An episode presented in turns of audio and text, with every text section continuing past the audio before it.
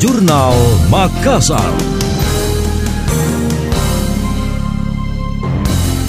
Saya Priscila Rini dalam Jurnal Makassar. Musibah terbakarnya lapas kelas 1 Tangerang yang menewaskan 41 orang menjadi catatan kelam pengelolaan lapas. Persoalan yang selalu muncul adalah terkait kelebihan kapasitas di lapas.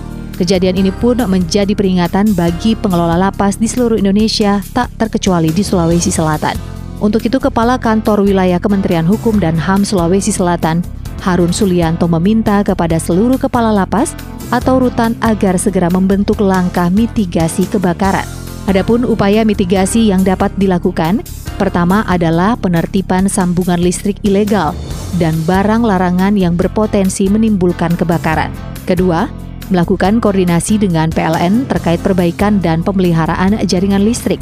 Ketiga, memasang miniatur sirkuit breaker atau MCB atau pemutus sirkuit miniatur pada tiap blok hunian.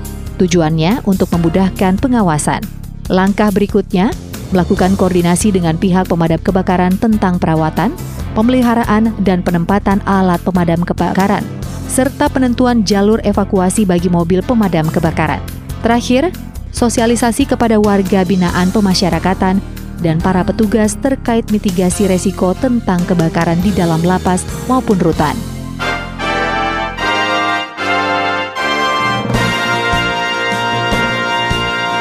Demikian tadi, Jurnal Makassar.